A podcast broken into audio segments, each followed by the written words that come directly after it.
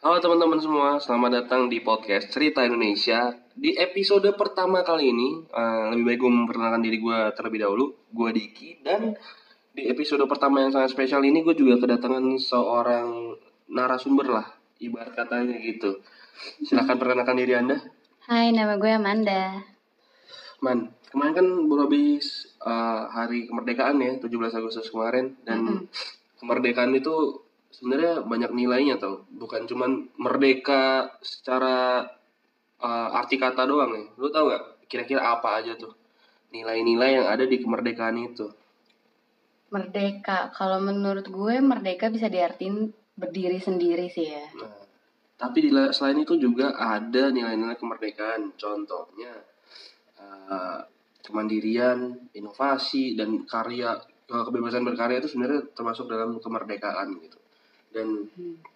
di waktu ini, uh, waktu ini sekarang maksudnya, Ya. uh, gua uh, kita bakal bahas tentang kem- kemandirian. Karena kemandirian itu adalah salah satu cermin dari kemerdekaan.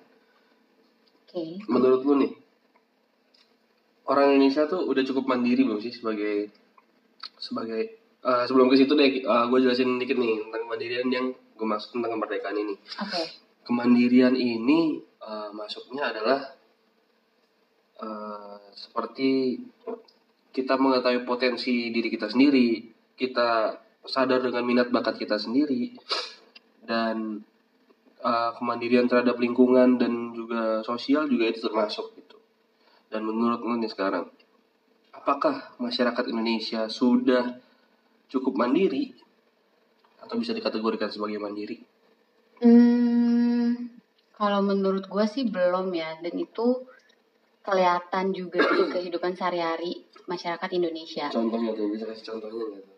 Misalnya masyarakat Indonesia masyarakat Indonesia tuh masih sangat bergantung sama sama ya ketentuan-ketentuan yang ada di Indonesia masih sangat bergantung dan nggak bisa masih bergantung sama peraturan Gimana ya gitu, belum bahasa- iya, diri, ha-ha. diri sendiri ya masih sangat bergantung dan belum sadar diri untuk melakukan itu atas kemauan diri sendiri gitu loh. contohnya nih yang paling gampang kita kan sebagai mahasiswa ya kan Ya. nah banyak tuh teman-teman kita mahasiswa yang sebenarnya masuk kuliah pun nonton jurusan pun itu karena dorongan dari orang tua bukan karena dia pilihan dari diri, diri sendiri dan itu adalah satu tindakan yang tidak menunjukkan kemandirian gitu yang tidak mer- memerdekakan diri sendiri karena tidak terjun ke dalam eh, bidang yang emang dia pengen gitu Ya banyak sih kasusnya yang kayak gitu dan ujung-ujungnya ya kayak kata lu tadi bukan merdeka malah jadi terpaksa Iya. ngejalaninnya. ngejalaninnya juga jadi setengah-setengah dan kayak eh, lulus cuman karena ah, ya udahlah yang penting lulus bahagiain orang tua sebenarnya itu tapi Iya. bukan itu doang gitu kan. Ketika lo masuk kuliah ketika lo melakukan sesuatu kenapa sangat penting karena kemauan lo sendiri ya satu dan lainnya halnya karena kalau misalkan lo kayak tadi ngejalanin kul ngejalanin kuliah atau sesuatu yang tidak terpaksa lah. tidak seiring dengan kemauan lo Mm. bakal jadi setengah-setengah ya nggak sih Ya itu ujung-ujungnya bukan bukan memuaskan diri sendiri ya namanya memuaskan orang tua ya. Iya, itu dia makanya kan. Mm. Terus eh, contohnya Apa lagi, lagi tuh? masyarakat Indonesia ya, kita bahas masyarakat Indonesia dulu nih. Oke, kayak gimana? Eh, contohnya nih kemandirian terhadap peraturan lalu lintas. Peraturan lalu lintas. Lu bisa bayangin nggak? Kira-kira seperti apa? Hmm, kalau dilihat dari kepatuhan masyarakat Indonesia terhadap peraturan lalu lintas masih rendah banget ya levelnya.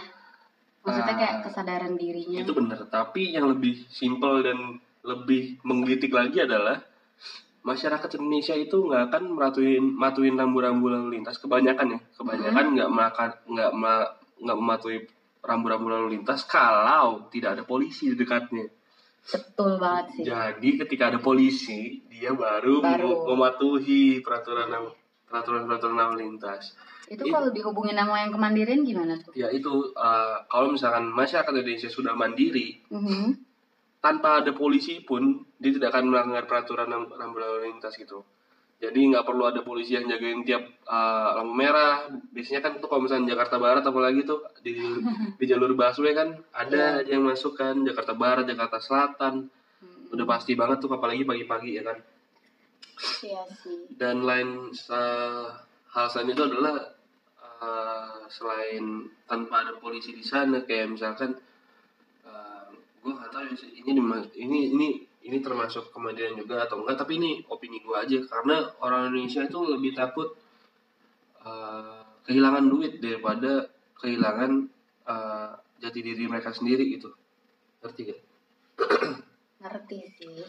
Jadi karena mereka eh, orientasi masyarakat Indonesia ini lebih ke duit bukan ke eh, Kesadaran. value dari diri dia sendiri gitu. Oh iya iya. Terus masih banyak juga contoh contoh-contoh apa namanya? Kemandirian masyarakat Indonesia. Iya. Sekarang masuk ke, sos- ke, ke sosial eh ke lingkungan nih. Bisa nggak Hmm. kira-kira menjabarkan? Kalau menurut gue yang bisa gue contohin itu saya dari lingkungan di komplek perumahan deh yang paling dekat. Banyak banget sampah. Contohnya sampah aja deh yang paling kelihatan nyata. Itu sampah tuh eh, orang-orang masih suka sembarangan buang di apa namanya selokan, Hmm. di got. Dan itu tuh yang ngebersihin ya pengurus komplek. Maksudnya kayak kesadaran diri lu di mana buat Iya, buang sampah itu banget. sendiri sesuai tempatnya gitu loh. Lebih ke harusnya secara mandiri sudah sadar gitu kan. Iya. untuk membuang sampah yang sebenarnya kalau misalkan dia buang sampah di selokan bakalan ngerugiin dirinya Iya. dia sendiri juga ya kan sebenarnya Iya. karena nanti ketika lagi musim hujan seperti yang terjadi di awal tahun kemarin Hmm, sampai banjir sampai kan? banjir segala macam kan akhirnya kan merepotkan diri sendiri ya kan Iya. Terus- itu sih. kalau lingkungan juga banyak banget eh, masih banyak em, masyarakat Indonesia atau beberapa golongan dari masyarakat Indonesia yang Mhm. masih mementingkan diri sendiri.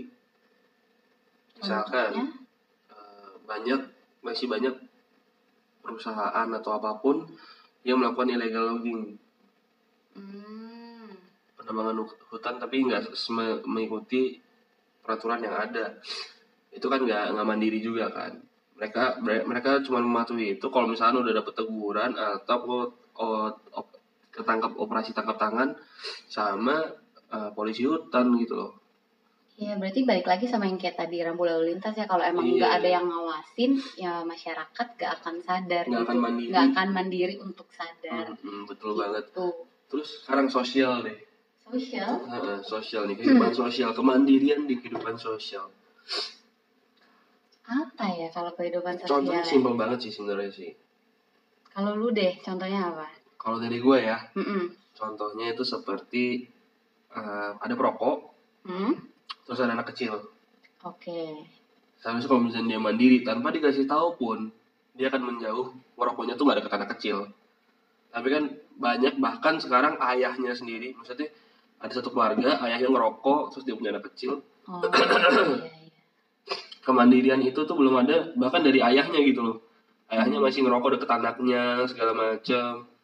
Harusnya kalau misalnya dia bisa mandiri terhadap sosial dia, terhadap kehidupan sosial, dia harus jaga jarak gitu. Kalau misalnya ada anak kecil gitu kan kalau mau ngerokok. Karena eh, tentu yang per- poin pertama anak kecil tuh rentan banget kan. Hmm. terus kedua juga efek jangka panjangnya sih. Kalau gue kalau dari gue gitu sih. Sekarang lu bisa nggak menjabarkan kira-kira contoh apa lagi nih Apa ya? kalau gue ngambil contoh dari kehidupan kampus boleh? boleh boleh boleh boleh Jadi eh, banyak yang kejadian bukan gue, tapi misalnya kayak ada temen gue gitu kerja kelompok, dikasih tugas kelompok, tapi tuh satu eh, kayak ka- kalian pasti pernah lah dalam satu kelompok tuh ada satu orang yang kayak namanya apa nebeng istilahnya. Iya, Dia tuh nggak ada, penumpang gelap iya betul. penumpang gelap Dia tuh kayak nggak ada, ini kayaknya sindiran ini sindiran nih nggak sindiran tapi memang banyak terjadi loh. berdasarkan pengalaman pribadi. Ada pengalaman pribadi cuma udah lama. Ya banyak kan yang Emang gitu kalau misalnya udah sama wanita tuh susah kalau nggak julid. Pasti julid tuh juga udah hal umum. Itu ya dia penumpang gelap terus kayak ibaratnya nggak ada kemauan buat mandiri ngerjain biar dia dapat nilai gitu loh. Jadi kayak cuma bisa hang on sama anggota kelompok yang Sebenarnya lain kemandiriannya itu lebih terhadap dia paham atau enggak sama tanggung jawabnya gitu nggak sih? Ketika di satu kelompok, misalnya kita masuk ke dalam satu kelompok, Mm-mm. eh, kita punya tanggung jawab masing-masing dan dia tuh nggak mandiri sama tanggung jawabnya. Dia membebankan tanggung jawab itu kepada orang lain. iya iya benar memang kayak gitu nah yang itu kan nggak menunjukkan kemandirian ya Iya betul banget. Emang banyak sih apa karakter-karakter dari masyarakat Indonesia ini yang sebenarnya masih termasuk kurang mandiri. iya Contohnya plastic waste juga. iya itu isu yang lagi naik banget sih di Indonesia Dan juga ngom- ngomongin kemandirian juga nggak bakal selesai sih sebenarnya karena mandiri itu luas banget kayak yang tadi gue bilang kan. Mm. Cuman coba man, gue pengen denger satu contoh lagi dari lo nih uh, kemandirian di uh, buat diri sendiri dulu aja deh. Kayak misalnya tadi yang pertama yang gue bahas kan tentang mengenai pot- potensi diri, tahu minat bakat kayak gitu gitu. Oke, kalau gue yang udah gue lakuin kali ya. Oh iya, yang udah lu lakuin buat Buat diri gue sendiri. Iya gitu, boleh boleh. Tadi yang pertama yang udah lo sebutin, gue masuk kuliah, masuk jurusan kuliah karena kemauan gue sendiri. Padahal Pilih jurusan kuliah. iya, padahal orang tua memang ada suruh jurusan lain, cuma gue memilih untuk nggak masuk ke situ karena tahu nggak bakal bakal enjoy ngerjainnya. Terus kemandirian yang gue lakuin lagi apa ya? Hmm, Apa yo? apa ya? Bingung juga kalau dibahas. Ya udah. Contohnya kayak gitu aja sih. Jadi teman-teman eh, kurang lebih sih gitu sih yang bakal apa yang udah kita bahas dan semoga ini jadi apa bisa jadi sarana edukasi juga ya walaupun kita nyampe Mm-mm. sebagai apa dengan dengan ngahahehe hahehe bercanda-bercanda. Semoga berguna lah. Ah, ah, maafin juga kalau misalnya gue lagi pilek deh. Jadi banyak suara tarikan-tarikan ingus kayak tadi kan. Ah, terima kasih buat yang udah dengerin dan semoga ini bisa jadi satu sarana pembelajaran buat kalian terutama untuk mengetahui potensi diri minat bakat dan kemandirian terhadap kehidupan sosial lingkungan dan lain-lain. Terima kasih bye bye Bye, see you.